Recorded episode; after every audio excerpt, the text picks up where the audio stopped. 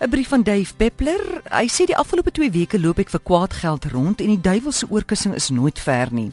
Net eenmaal die jaar het ek tyd vir myself om roekeloos te verken, te eet, ruik, stap en veels te veel te slaap. Maar ek moet onthou dat ek nou vinnig oud word en miskien is dit tyd om my soos 'n ou mens te gedra. Ou mens, gedra nooit.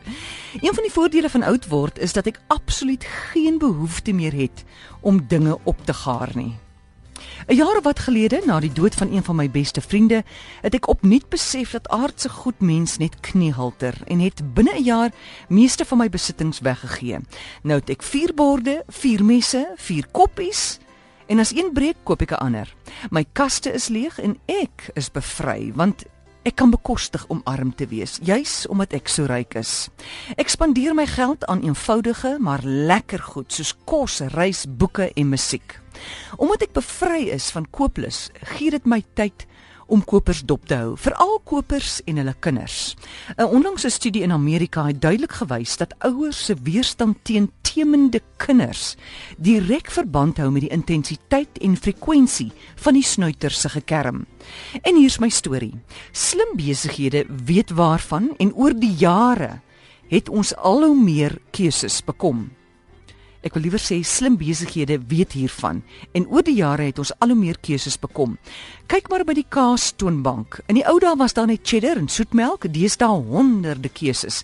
Maar hier is die ekologiese angel.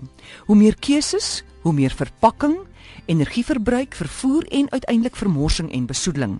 Hierdie verskynsel kom nou by alle produkte voor, van motors, klerasie, olyfolie, asyn, aartappelskyfies tot kondome. Tot verlede jaar het die grootste supermarkte van Engeland op hul klante se voorspelbare gedrag staatgemaak om hulle rakke met gemiddeld 70 tot 80000 items te laai.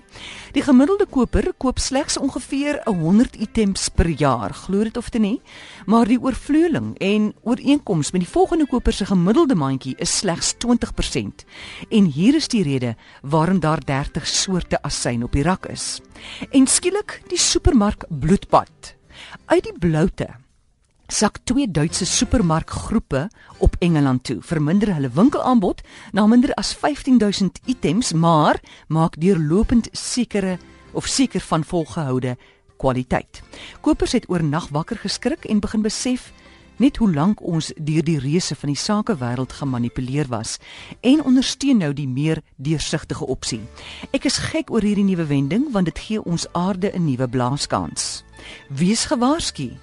Suid-Afrikaanse supermarkbase, daar is winde van verandering op pad. Groetnis uit 'n ysig koue Kent.